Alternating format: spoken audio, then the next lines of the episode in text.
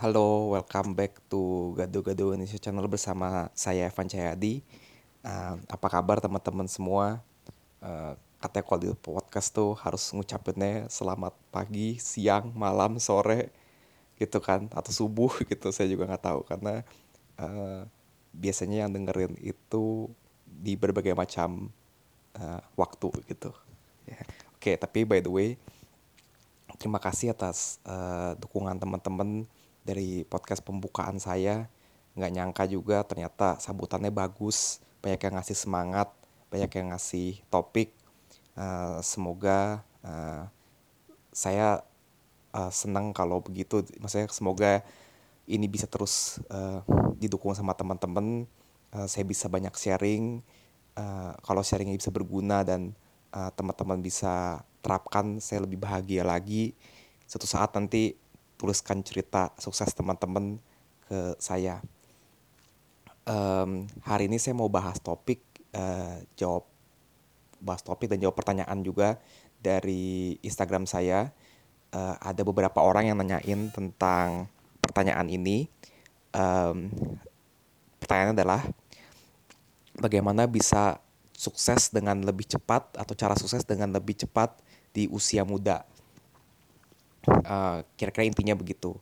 Ini uh, yang nanyain inisialnya aja kali saya sebut ya. Ada dari uh, H ada dari J ada dari M. Oke. Okay. makasih yang udah nanya ya. Oke okay, um, saya mau jawab pertanyaannya gini. Um, pertama saya mau klarifikasi dulu. Uh, saya nggak PHP tapi saya mau bilang bahwa memang untuk mencapai sukses itu tidak ada jalan pintasnya gitu. Itu dulu gitu. Ya mungkin teman-teman ada kecewa atau enggak tapi memang kelihatannya seperti itu gitu. Nggak ada jalan pintasnya. Um, setiap orang pasti butuh uh, waktu yang juga nggak bisa instan untuk mencapai sukses. Uh, waktunya berapa lama? Uh, ada yang lima tahun 10 tahun 15 tahun 20 tahun ataupun lebih ya tergantung daripada mungkin usaha teman-teman, tergantung dari lingkungan yang mendukung apa enggak, tergantung dari mungkin hoki juga, tergantung dari um, campur tangan dari yang maha kuasa juga, banyak hal. Jadi gak bisa uh, dijadiin patokan uh, sukses cepat lebih baik gitu, sukses lambat artinya lebih buruk, nggak juga sih gitu. Jadi setiap orang punya waktunya masing-masing untuk bisa sukses. Nah, tapi karena di sini teman-teman nanya tentang tips untuk bagaimana lebih cepat sukses, ya mungkin saya akan kasih beberapa tips gitu. Tapi tadi ya bahwa untuk mencapai sukses tadi itu nggak ada jalan pintas ya. Memang teman-teman harus bangun langkah demi langkah, mesti bikin pijakan eh, tangga demi tangga sampai akhirnya jadi sukses gitu. Kriteria sukses pun juga sebenarnya juga berbeda-beda jadi suksesnya di sini tuh yang seperti apa gitu. Saya sempat tanya sih ke penanya-penanya ini suksesnya apa? Apakah sukses dari segi materi? Kalau sukses dari segi materi sukses yang disebut sukses segi materi itu berapa banyak? Ada yang bilang puluhan M ada yang bilang belasan M ada yang bilang triliun ada yang bilang ratusan M. Apa tolak ukurnya suksesnya kok dari segi materi gitu? Terus kalau ada juga yang bilang suksesnya bukan dari segi materi ada dari segi apa? Mungkin legacy mungkin adalah um, dampak sosial yang dia berikan impact uh, sosial yang dia berikan ya kan? Bisa menginspirasi banyak orang misalnya atau misalnya budi baiknya menolong banyak orang gitu ya. Uh, yang sifatnya non materi jadi banyak gitu. Sukses itu nggak selalu sifatnya materi. Tapi uh, dari beberapa pertanyaan ini mungkin lebih ngarahnya ke materi. Jadi mari kita bahas untuk yang uh, materi gitu. Nah tips saya adalah untuk mencapai sukses itu adalah pertama teman-teman harus kenali dulu diri teman-teman. Jadi uh, teman-teman itu kenali dulu kira-kira teman-teman itu bisanya apa, punya kekuatan apa. Kalau misalnya uh, saya percaya di agama saya dijarkan bahwa setiap orang itu diberikan talenta. Nah talenta itu setiap orang berbeda-beda Nah, tugasnya kita adalah mencari, mengembangkan, memoles talenta yang kita punya, yang diberikan Tuhan kepada kita untuk bisa menjadi buah yang baik, gitu. Nah, kita makanya sekolah, kita makanya belajar untuk mencari tahu sebenarnya talenta kita di mana.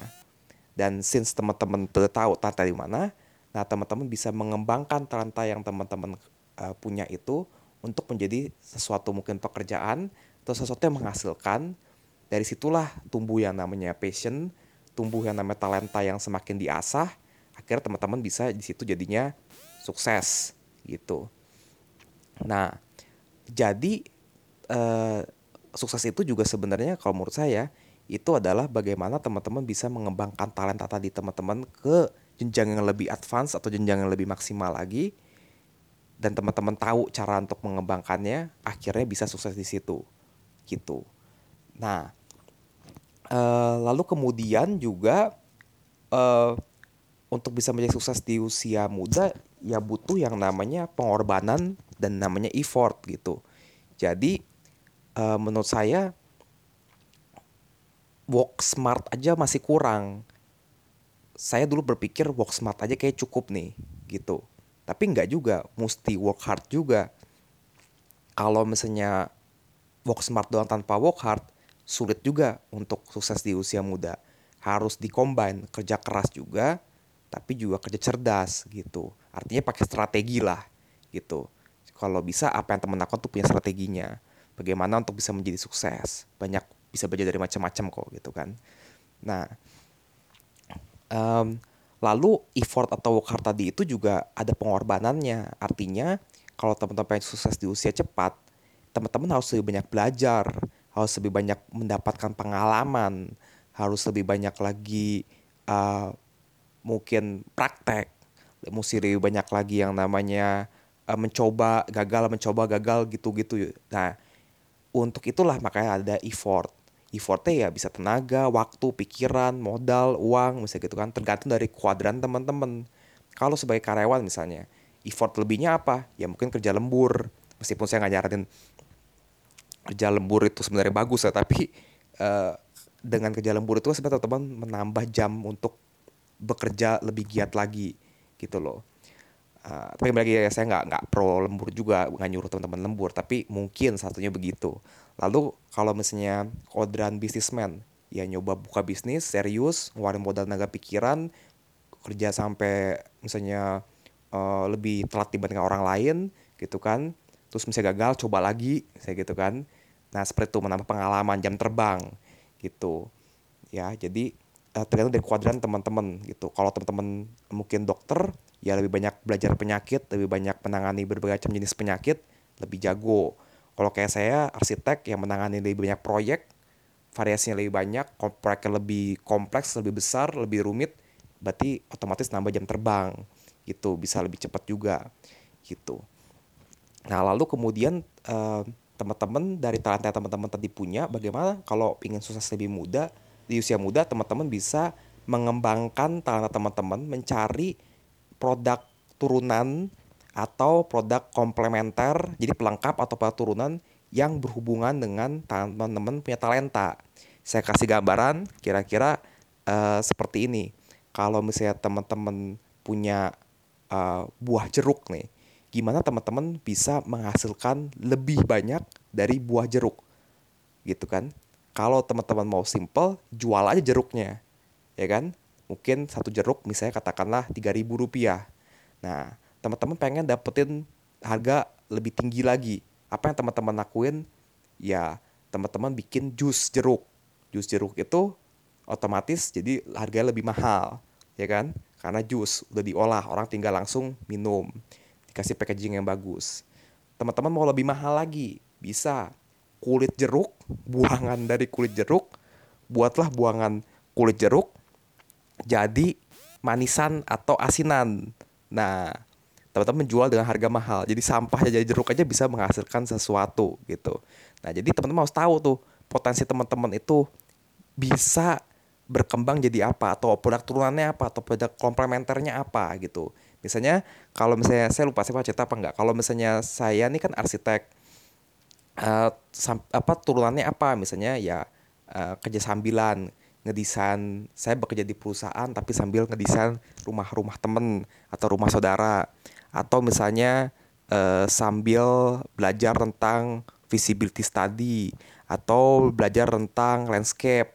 Atau misalnya belajar tentang interior ya kan yang berhubungan dengan arsitektur atau belajar bisa juga tentang mungkin psikologi gitu ya eh, bisa juga nanti bela, uh, mengembangkan usaha ke desain grafis karena arsitek juga belajar tentang desain grafis jadi teman-teman bisa cari apa yang merupakan turunan atau komplementer dari skillnya teman-teman. Nah itu teman-teman bisa dapetin penghasilan lebih daripada itu. Jadi teman-teman juga nggak terlalu loncat jauh dari skillnya teman-teman gitu. Nah kemudian ah, ah sorry kalau kayak saya misalnya tambahan lagi dunia properti karena arsitek kan dekat dengan dunia properti ya jadinya lari ke dalam dunia properti juga apa jadi properti. Dari properti bisa nyambung lagi ke makroekonomi gitu bicara tentang ke ekonomi global dan sebagainya bisa macam-macam. Jadi bisa nyambung gitu loh. Nah itu cara sukses di usia muda juga. Nah kemudian juga sukses di usia muda itu adalah tadi ya membangun yang namanya uh, jam terbang membangun yang namanya profesionalisme dan itu memang butuh waktu. Lalu juga yang penting adalah bagaimana teman-teman memperluas koneksi. Jadi kadang-kadang ada orang yang asik sendiri kerja, suka dengan dunia sendiri, tapi lupa bahwa kadang-kadang untuk kita sukses, apalagi ya saya saya nggak tahu ya, saya rasa bukan cuma di belahan uh, negeri timur gitu di mana pun gitu ya, koneksi itu penting. Jadi ya banyaklah uh, mungkin bahasa gimana ya? mungkin bukan bergaul tapi banyaklah mengenal mungkin orang-orang yang uh, oh hebat orang-orang yang oke okay, orang-orang yang punya reputasi uh, ajak berteman ajak berbisnis misalnya gitu. Ya uh, saya juga orangnya sebenarnya bukan tipikal orang yang uh, supel atau suka bergaul juga sih tapi memperluas koneksi itu perlu gitu. Nah karena nanti banyak kan zaman sekarang zaman kolaborasi bisa kolaborasi itu mempercepat teman-teman gitu. Lalu kemudian untuk sukses usia muda juga ya banyaklah belajar dan semangat gitu. Jadi eh, nggak uh, ada jalan pintasnya sih. Harus banyak belajar. Jadi mungkin dari sekitar teman-teman bisa ngambil kursus ngambil pelatihan seminar workshop gitu kan. Apa pun yang bisa untuk ngebus teman-teman punya. Jadi um, sebenarnya saya percaya rumus kimia tuh mengenai tentang katalis. Kalau teman-teman dulu belajar SMA tentang tentang kimia atau yang sekarang SMA gitu ya tahu tentang namanya katalis jadi katalis itu tuh adalah bagaimana mempercepat proses gitu sebenarnya rata-rata orang itu kan sukses usia berapa sih rata-rata kalau saya lihat umur 35, 40 ke atas gitu kan. Nah, kalau teman-teman pengen usianya umur di bawah umur 30, umur 25 gitu, berarti teman-teman harus mengkatalis proses yang tadinya panjang gitu menjadi lebih cepat. Nah, karena mengkatalis itulah ya tadi butuh pengorbanan, butuh belajar lebih, butuh memperbanyak jam terbang, butuh mencoba gagal dan coba lagi. Ya, kira-kira seperti itu. Itu kan cari produk turunannya. Uh, saya rasa itu yang yang yang udah saya lakukan dan uh, apa saya rasa bisa jadi uh, mungkin inspirasi bagi teman-teman juga gitu. Tapi nggak ada jalan sukses menuju, eh nggak ada jalan pintas menuju sukses jadi memang teman-teman harus work hard dan juga mesti work smart juga. Gitu. Teman-teman kembangkan apa yang jadi talenta teman-teman, ya kan? Tahu cara untuk memasarkan talenta teman-teman, tahu cara menyampaikan atau mendistribusikan talenta yang teman-teman punya kepada orang yang membutuhkan, gitu kan? Uh, itu adalah poin-poin yang penting gitu. Uh, karena setiap orang pasti punya talenta ya masing-masing tiap orang punya keunikan masing-masing. Nah teman-teman tinggal mengasahnya gitu. Nah terus uh, untuk sukses di usia muda menurut saya menurut saya nih uh, kalau saya lebih memilih untuk apa yang saya suka untuk bisa lakuin gitu. Jadi ada orang kan bilang uh, love what you do atau do what you love ya. Nah itu uh, kontroversi tuh. Nggak ada yang benar nggak ada yang salah sih menurut saya sih. Cuman kalau saya milihnya ya do what you love gitu. Karena saya harus jatuh cinta dulu tuh dengan apa yang saya lakuin. Supaya akhirnya kalau saya mungkin merasa ketemu masalah saya mentok saya saya merasa mungkin jenuh saya akan balik lagi diingatkan oh saya tuh jatuh cinta dengan pekerjaan saya. Saya tuh suka dengan pekerjaan saya. Gitu. Nah karena suka dan jatuh cinta itulah akhirnya balik lagi lagi jenuh lagi jatuh lagi gagal teman-teman akan berdiri di situ. Kalau love what you do mungkin ketika teman-teman dalam kondisi yang lagi berat atau rumit atau ini mungkin teman-teman akan lebih mudah terdistract gitu. Ya, ya mungkin begitu. Nah lalu kemudian juga uh, cara cepat sukses di usia muda teman-teman tahu bagaimana cara juga caranya untuk bisa melipat gandakan teman-teman punya uang ya uh, atau bahasa gampangnya mungkin teman-teman bagaimana bisa menginvestasikan mungkin kalian ya, menginvestasikan atau melipat gandakan teman-teman punya uang karena uh, yang saya lakukan juga adalah kalau misalnya teman-teman itu hanya bergantung dari aktif income, biasanya kan kalau masih muda itu bergantung dari aktif income ya. Artinya teman-teman bekerja, uh, usaha tenaga teman-teman dijadikan sama dengan uang gitu ya. Nah, untuk bisa sukses yang muda ya teman-teman juga perlu bangun yang namanya passive income. Ini ceritanya panjang lagi sih. Kalau gitu tapi uh, intinya adalah kalau teman-teman itu bisa menginvestasikan atau bisa punya sumber dua sumber income aktif dan pasti income ya otomatis akan bisa jadi lebih cepat teman-teman punya uh, apa uh, peningkatan uh, kesuksesan atau materi tadi itu gitu kalau dalam kasus saya ya dengan pasti income tersebut akhirnya saya bisa memenuhi kebutuhan saya misalnya kebutuhan misalnya kayak gini kebutuhan teman-teman misalnya katakanlah 4 juta sebulan Nah, teman-teman itu dapatkan dari pasif in, dari aktif income, harus kerja dapat 4 juta sebulan. Akan lebih bagus kalau teman-teman bangun juga yang namanya teman-teman investasi tadi atau punya pasif income sehingga 4 juta yang tadi itu kebutuhan teman-teman tadi itu didapatkan dari pasif income-nya atau hasil dari investasi. Jadi, aktif income teman-teman bisa digulirkan untuk yang lain. Jadi, ya sosial muda juga gitu sih bicara tentang percepatan teman-teman punya income stream namanya. Jadi, uh, teman-teman punya income, bagaimana teman-teman bisa punya income stream yang banyak lebih dari satu? Mungkin teman-teman bekerja sebagai satu misalnya kalau saya arsitek ya itu satu satu jenis income. Tapi bisa nggak punya income stream yang lain? Income stream yang lain, income stream yang lain itu ya tadi dengan teman-teman mengembangkan punya teman-teman punya talenta tadi produk turunannya apa produk komplementernya apa nah jadilah itu sebagai income income yang lain gitu loh nah dengan banyaknya income stream teman-teman akan punya penghasilan lebih banyak gitu. Nah, penghasilan teman teman banyak itu jangan difoya-foyain tapi dibuat untuk investasi atau untuk passive income. Nah, dari situ nanti menghasilkan uang lagi gitu. Jadi uh, apa uh, caranya sih kira-kira begitu. In the end ya kalau teman melakukan itu ya bisa di usia muda punya properti, punya mobil, punya tabungan, tabungan depan apa pun bisa gitu. Jadi uh, itu. Dan uh, bicara tentang pekerjaan itu sendiri ya tadi harus punya passion juga sih. Kalau teman punya passion dalam pekerjaan itu ya teman-teman pasti akan cari cara bagaimana tuh bisa menghasilkan lebih lagi. Teman-teman cari cara gimana caranya untuk bisa lebih maju lagi semangat gitu kan. Ya passion itu perlu juga ketika teman-teman mengejar tadi gitu. Dan uh, jangan jadikan itu sebagai momok kalau nggak sukses di usia muda artinya teman-teman gagal. Enggak sukses setiap orang tuh berbeda-beda gitu. Ada yang suksesnya tadi umur 25, 30, 35, 40 atau 60 Colonel Sanders saja yang ciptain KFC udah setua itu suksesnya. Jadi nggak perlu khawatir sih setiap orang punya waktunya masing-masing. Tapi kalau tadi mau mempercepat ya tadi uh, saya udah bagikan tips-tipsnya. Saya rasa kayaknya podcast kali ini udah cukup itu dulu deh kali ya. Saya udah bagi tips-tips pentingnya. Mungkin kalau tadi ada bagian yang saya ngomong agak cepet-cepet mohon maaf. Uh, apa teman bisa ulang lagi dengerin podcastnya. Kalau ada pertanyaan boleh langsung um, DM saya di Instagram.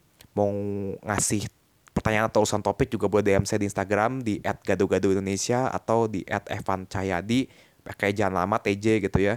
Silahkan aja um, ada masukan juga saya tunggu uh, mungkin episode ini kali ini itu saja uh, cara untuk sukses lebih cepat Sampai ketemu di episode berikutnya. Terima kasih sudah mendengarkan. Bisa share video, eh video lagi, uh, podcast ini kepada teman yang membutuhkan. And as always, stay inspiring people. Terima kasih.